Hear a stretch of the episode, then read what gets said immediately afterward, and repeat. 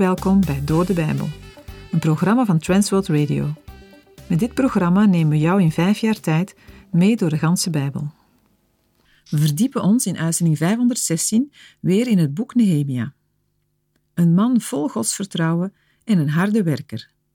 Hij was zo bezig om een veilige woonplaats voor Gods volk in Jeruzalem te maken dat hij een tijd lang dag en nacht niet uit de kleren kwam. Nehemia maakte zich niet van het werk af. Hij zette er haast achter. In hoofdstuk 4 zagen we de vorige keer verschillende momenten waarop hij het bijltje erbij neer had kunnen gooien. Maar hij deed het niet. Hij sterkte zich steeds opnieuw in zijn God en nam de nodige maatregelen. Als de vijanden merken dat hun bespottingen niet het gewenste effect hebben, wordt de vijandschap grimmiger. Het aantal vijanden neemt toe. Sanballat komt opnieuw tevoorschijn. Hij maakt de Joden belachelijk bij zijn vrienden en het Samaritaanse leger. Met retorische vragen laat hij merken dat de bouwers geen vakmensen zijn en verkeerd materiaal gebruiken. Kortom, dat het niet zal worden. Nehemia reageert op de spot door te bidden. En de mensen werken door. Ze hebben er zin in. Gebed is een sterk wapen in geestelijke strijd. Het helpt om de problemen in het licht van God te zien. Als de muur halverwege is, neemt de dreiging van een aanval op Jeruzalem toe. Nehemia bidt en zet wachtposten uit. Wachters zijn belangrijk, zij zien het gevaar aankomen. Ook in onze tijd moeten we alert blijven om datgene wat het geloof bedreigt en dat niet binnenlaat in de gemeente of in het persoonlijk leven. Een heel ander probleem volgt: ontmoediging. Het werk is zoveel en de puinhopen zijn groot. Vermoeidheid leidt ertoe dat mensen de moed verliezen en denken dat het nooit gaat lukken. Nehemia gaat er niet in mee. Hij spreekt hen bemoedigend toe. Hij roept hen op om aan de Heer te denken en ter wille van de gezinnen en Gods volk de moed niet op te geven. Het resultaat is dat de vijand uiteindelijk moet erkennen dat God met zijn volk is. Nehemia en zijn mensen kunnen verder werken.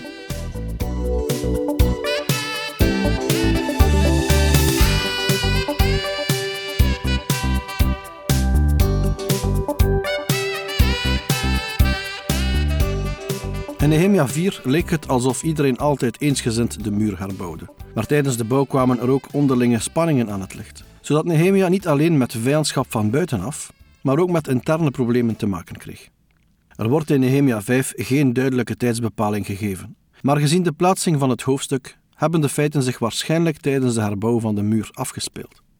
We lezen over onderlinge problemen van belastingdruk en verschillen tussen rijken en armen. De bouwers mochten namelijk niet terugkeren naar hun huis om daar te werken. Bovendien waren de Judeërs geïsoleerd door vijandschap rondom, zodat er geen handel meer gedreven kon worden. Het is ook aannemelijk dat de schrijnende situaties die in de volgende versen beschreven worden, extra pijnlijk werden, omdat rijken en armen ongeveer hetzelfde werk moesten doen. Nehemia 5, versen 1 tot en met 4. Er ontstond een luid geroep van het volk en van hun vrouwen tegen hun broeders, de Joden. Er waren er die zeiden: onze zonen, onze dochters en wij zelf zijn met velen. Dus moeten we aan graan zien te komen, zodat wij kunnen eten en in leven blijven. Ook waren er die zeiden: Wij staan op het punt onze velden, onze wijnhaarden en onze huizen tot onderpand te geven, zodat wij aan graan kunnen komen tegen de honger. Verder waren er die zeiden: Wij hebben geld geleend voor de belasting aan de koning op onze velden en onze wijnhaarden. Arme mensen beklagen zich over hun Joodse volksgenoten. Daarbij is opvallend dat de klacht niet is gericht tegen Nehemia, maar tegen de rijke volksgenoten. In vers 7 zullen we lezen dat het om edelen en de machthebbers gaat. Wij zouden zeggen de elite. Ook in onze tijd is een ongelijke levensstandaard dikwijls een reden tot protest, zeker als er uitbuiting van armen plaatsvindt. Sommigen hebben veel kinderen en willen voedsel hebben om te overleven. In het Oude Testament wordt een groot aantal kinderen gezien als zegen van God. In tijden van honger en armoede zijn er dan wel extra grote problemen. De eerste klacht komt van mensen zonder eigen land. Mogelijk dat zij als dagloners de kost verdienden, maar door het werk aan de muur zonder gewone inkomsten waren gekomen. Een tweede groep heeft velden, wijngaarden en huizen verpand om aan geld voor voedsel te komen. Het gaat dan waarschijnlijk om kleine boeren met eigen bezit, die uit armoede hun land verpand hebben en nu niet meer van de opbrengst kunnen genieten. Er zijn er zelfs die hun eigen huis hebben moeten verpanden. Een derde groep had geld geleend om de belasting aan de Perzische koning te kunnen betalen, en als onderpand hadden zij hun akkers en wijngaarden moeten afstaan. De Perzische koningen waren toegeeflijk in godsdienstige zaken, maar streng op het gebied van de belastingen. Sinds Darius I was er een jaarlijkse belasting op basis van een gemiddelde opbrengst van het land. Ook als de oogst mislukte, moest er betaald worden. Nehemia 5, vers 5. Welnu, zoals het vlees van onze broeders is ook ons vlees. Zoals hun zonen zijn ook onze zonen. En zie, wij staan op het punt onze zonen en onze dochters aan de slavernij te onderwerpen. En er zijn er van onze dochters die al aan de slavernij zijn onderworpen. En dat buiten onze macht. En onze velden en onze wijngaarden behoren aan anderen toe. De gemeenschappelijke klacht is dat zij toch allen van hetzelfde vlees en bloed zijn. Toch zijn zij als armen genoodzaakt hun zonen en dochters slaven te laten worden. De wet gaf de mogelijkheid aan een arme te lenen tegen een onderpand, maar stond ook toe dat de arme Israëlieten zichzelf of hun kinderen verkochten voor geld. Maar zij moesten wel vrijgelaten worden in het zevende jaar of in het jubeljaar. In de gegeven omstandigheden van Nehemia duurde zo'n vrijlating te lang. Daarbij kwam ook nog dat sommige dochters al tot slaven waren vernederd, zonder dat er iets tegen te doen viel. Anderen hadden de akkers en wijngaarden in bezit. Mogelijk dat de dochters ook seksueel misbruikt werden of als bijvrouw werden genomen. De rijken handelden grotendeels overeenkomstig de letter van de wet, maar niet naar de geest, want daarin wordt herhaaldelijk gevraagd om medelijden met de armen te hebben. Maar van medelijden was blijkbaar weinig te merken. Nehemia 5, versen 6 tot en met 8. Ik ontstak in hevige woede toen ik hun geroep en deze dingen hoorde.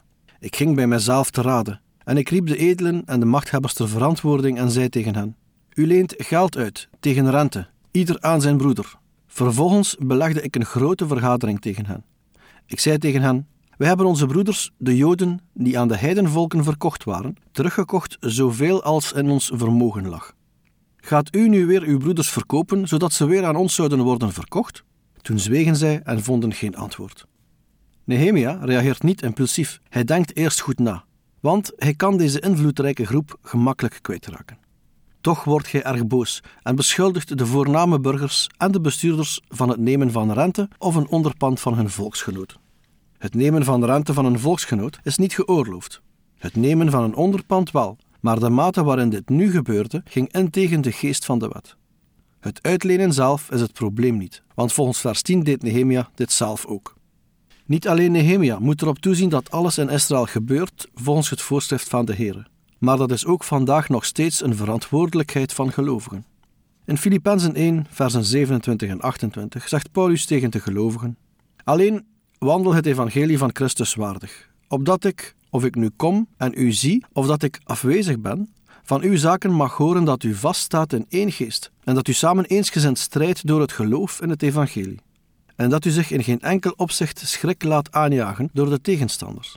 Voor hen is het een duidelijk teken van verderf, maar voor u van zaligheid, en dat van God uit. Terug naar Nehemia. Sommige Joden hadden dus geld geleend. Toen zij dat niet terug konden betalen, moesten zij hun zonen en dochters als slaven verkopen. Er wordt een volksvergadering belegd. Een volksvergadering als in Ezra 10, vers 7. Door deze bijeenkomst te beleggen, schaart Nehemia zich aan de kant van de klagers. Daarop geeft Nehemia aan dat hij en de andere Joden in ballingschap zoveel mogelijk Joden hadden vrijgekocht. Maar door de praktijken die nu aan de orde zijn, moeten er steeds meer mensen worden vrijgekocht. De beschuldigden weten hier niets tegen in te brengen. Nehemia 5, vers 9. En ik zei: Wat u doet is niet goed. Moet u niet wandelen in de vrezen van onze God, vanwege de smaad van de heidenvolken, onze vijanden? Nehemia geeft aan dat zij niet goed handelen. Het is belangrijk om in ontzag voor God te leven, om de vijanden geen reden voor spot te geven. De levensstijl van een gelovige is een getuigenis naar anderen. Nehemia 5, vers 10. Lenen ook ik, mijn broers en mijn knechten geld en graan aan hen tegen rente? Laten we toch deze rente achterwege laten. Nehemia geeft zelf het goede voorbeeld. Hij zelf, zijn broers en dienaren hebben geld en voedsel uitgeleend. Zij gaan nu die schuld of de bijhorende interest kwijtschelden. Het was voor Israëlieten toegestaan rente te vragen van buitenlanders, maar niet van hun arme volksgenoten. Hoewel anderen mogelijk toch rente vroegen, zal Nehemia dit zelf niet gedaan hebben, omdat het tegen de wet van God inging. Dit lenen betekent dat Nehemia en zijn broers tot de rijke landeigenaars in Juda hoorden, zoals ook zal blijken uit de versen 14 tot en met 18. Nehemia 5, versen 11 en 12. Geef hun toch vandaag nog hun velden. hun wijngaarden, hun olijfbomen en hun huizen terug. En ook het honderdste deel van het geld en het graan, de nieuwe wijn en olie, die u hun leent. Toen zeiden ze: Wij zullen het teruggeven, en wij zullen niets meer van hen eisen. Zo zullen we doen, zoals u het zegt. Toen riep ik de priesters en ik liet hen zweren om dien overeenkomstig te handelen. De oproep aan de rijken om alles terug te geven en af te zien van rente wordt positief beantwoord. Toch roept Nehemia voor de zekerheid de priesters erbij en laat de rijken zweren dat ze zich aan hun woord zullen houden. Door de priesters erbij te roepen, wordt de eed plechtig en rechtsgeldig. Nehemia 5, vers 13. Ook schudde ik de plooi van mijn mantel uit en ik zei: Zo mogen God elke man die dit woord niet gestand zal doen, uitschudden uit zijn huis en uit zijn arbeid. En zo mogen hij uitgeschud en leeg zijn. En de hele gemeente zei: Amen. En zij prezen de Heer, en het volk handelde dien overeenkomstig. Het uitschudden van kleding vinden we ook in Handelingen 18, vers 6. Het heeft dezelfde betekenis als het afschudden van het stof van de voeten. Het symboliseert de afwijzing van het gesprokene door hen die het hebben gehoord. Degene die het doet, is vrij van de gevolgen die dat heeft voor hen die het afwijzen. De plooi van een kledingstuk duidt de binnenkant aan, waarin kleine zaken worden bewaard. Die voorwerpen worden op hun plaats gehouden door de riem of band om het middel. De rol van het volk is vooral die van getuigen van wat is gezegd. Op deze wijze laat Nehemia de rijken barmhartigheid bewijzen ten opzichte van de armen. De schrijnende omstandigheden worden gestopt. Het is voor ons niet duidelijk in welke mate de schulden en het ontvangen voedsel nog terugbetaald moesten worden door de armen. Maar in ieder geval is een beweging in gang gezet om als broeders elkaar te ondersteunen en niet uit te buiten. Nehemia 5, versen 14 en 15. Overigens, vanaf de dag waarop de koning mij de opdracht heeft gegeven om landvoogd te zijn in het land Juda, vanaf het twintigste jaar tot het 32ste jaar van koning Artasasta, twaalf jaar, hebben ik en mijn broers het brood, bestemd voor de landvoogd, niet gegeten. Maar de eerdere landvoogden, die er voor mij waren, hadden het zwaar gemaakt voor het volk. En zij hadden brood en wijn van hen genomen. En daarna nog veertig sikkel zilver. Ook heersten hun knechten over het volk. Maar ik heb zo niet gehandeld, omdat ik God vreesde. Nehemia blikt terug op een periode van twaalf jaar waarin hij landvoogd over het land Juda was, van het twintigste tot het 32e regeringsjaar van Artaxerxes. Hij is in het twintigste jaar van Artaxerxes vertrokken. Na twaalf jaar keerde hij terug, maar na verloop van tijd vroeg hij weer toestemming om naar Jeruzalem terug te mogen keren. Nehemia had als gouverneur recht op inkomsten uit belastingen, maar hij maakte daar geen gebruik van. We kunnen het vergelijken met een andere dienstknecht van de Heer in het Nieuwe Testament, Paulus. Ook hij ziet af van inkomsten voor levensonderhoud vanuit de verschillende christelijke gemeenten. Vroegere gouverneurs legden het volk zware lasten op en hun dienaren gedroegen zich als heer en meester over het volk. Nehemia zelf deed dit niet uit ontzag voor de Heer. Dergelijk handelen is het gevolg van de vrees voor God. Het is de vrucht die een rechtvaardige en heilige wandel siert. Ook in deze dingen was Nehemia een voorbeeld. Nehemia 5, vers 16. Ook voor het werk aan deze muur heb ik mij sterk gemaakt. En wij hebben geen grondbezit verworven en al mijn knechten waren daar bij elkaar voor het werk. Nehemia werkte zelf ook mee aan de herbouw van de stadsmuur. Nehemia is daar niet rijker van geworden. Hij kocht geen land, ook niet als onderpand. Uit Jesaja 5 vers 8 en Micha 2 vers 2 blijkt dat het tegenovergestelde ook gebeurde in Israël. Nehemia wilde op geen enkele manier zijn positie van landvoogd gebruiken om zichzelf te verrijken. Nehemia 5 vers 17 De Joden en de machthebbers, 150 man, en zij die naar ons toe waren gekomen uit de heidenvolken die zich rondom ons bevinden, aten aan mijn tafel. Naast het meewerken aan de muur was er het regelmatige bezoek van diplomaten uit het Perzische Rijk. Was Nehemia dan zo rijk? Kreeg hij nog steeds zijn salaris van de koning? Het staat er niet, maar het is goed te zien dat wat Nehemia krijgt, hij niet voor zichzelf houdt, maar er liever anderen mee dient, ongeacht waar het vandaan komt. Nehemia 5, vers 18. Wat klaargemaakt werd voor één dag. Voor mij werden klaargemaakt één rund, zes uitgelezen stuks kleinvee en vogels, en, met een tussenpoos van tien dagen, zeer veel van allerlei soorten wijn. En bovendien eiste ik niet het brood bestemd voor de landvoogd, want de dienstbaarheid drukte zwaar op dit volk. Nehemia werkte zelf met zijn dienaren mee aan de muur en verwierf dus geen rijkdom. Toch moest hij 150 Joodse leiders laten eten van zijn tafel en ook de buitenlandse gasten onderhouden. Daar was veel eten en drinken voor nodig. Toch vroeg Nehemia niets van zijn volk, omdat men het al zo moeilijk had. De hoeveelheid eten is uiteraard minder dan bij Salomo het geval was, maar is wel indrukwekkend als persoonlijke uitgave. Nehemia's hart was vol liefde voor zijn landgenoten en het volk van de Heer. Zijn vrijgevigheid staat in groot contrast met dat van andere leiders. We zullen in het verootmoedigingsgebed van de Israëlieten in Nehemia 9, versen 36 en 37 het volgende lezen. Zie, vandaag zijn wij slaven, en het land dat u aan onze vaderen hebt gegeven om de vrucht en het goede daarvan te eten. Zie, wij zijn slaven daarin. De opbrengst ervan verschaft veel rijkdom aan de koningen die u over ons aangesteld hebt, vanwege onze zonden. Zij heersen over onze lichamen en over onze dieren naar hun goeddunken. En wij zijn in grote benauwdheid. Nehemia 5, vers 19. Nehemia bidt: Denk toch aan mij, mijn God, ten goede, om alles wat ik heb gedaan voor dit volk. Gunst van de Heere kan niet gekocht worden door goede daden. Dat hebben we al verschillende keren aangehaald in deze reeks. Toch vraagt Nehemia hier dat de Heere hem zegent, vanwege zijn werk en zelfopoffering. Maar het is geen trotse opsomming als van de fariseer in Lucas 18, maar een nederig en vertrouwend vragen van een kind van God, zoals in Psalm 26.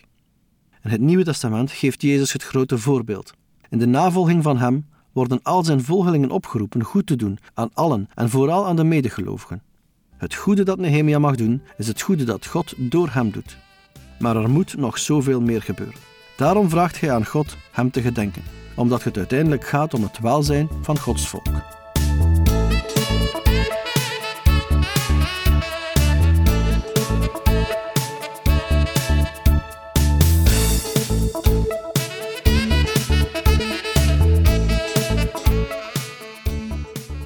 Heeft geluisterd naar Door de Bijbel, een programma waarin we in vijf jaar tijd de ganse Bijbel bespreken. De basis voor het programma is de Bijbelstudiereeks van Dr. Vernon McGee, Through the Bible. Deze werd in het Vlaams vertaald en bewerkt door Transworld Radio. U kan elke werkdag naar een nieuwe uitzending luisteren en u kan ook steeds voorbije uitzendingen opnieuw beluisteren of downloaden. Als u wilt reageren op deze uitzending of u heeft vragen, dan kunt u uiteraard contact met ons opnemen. U kan een e-mail sturen naar doordebijbel.twr.be. Verder kan u op onze site terecht, www.twr.be, voor meer info en het beluisteren van onze overige programma's. Dit programma werd gepresenteerd door Patrick Couchement en Anne Notenboom. Wij danken u voor het luisteren en graag tot een volgende keer.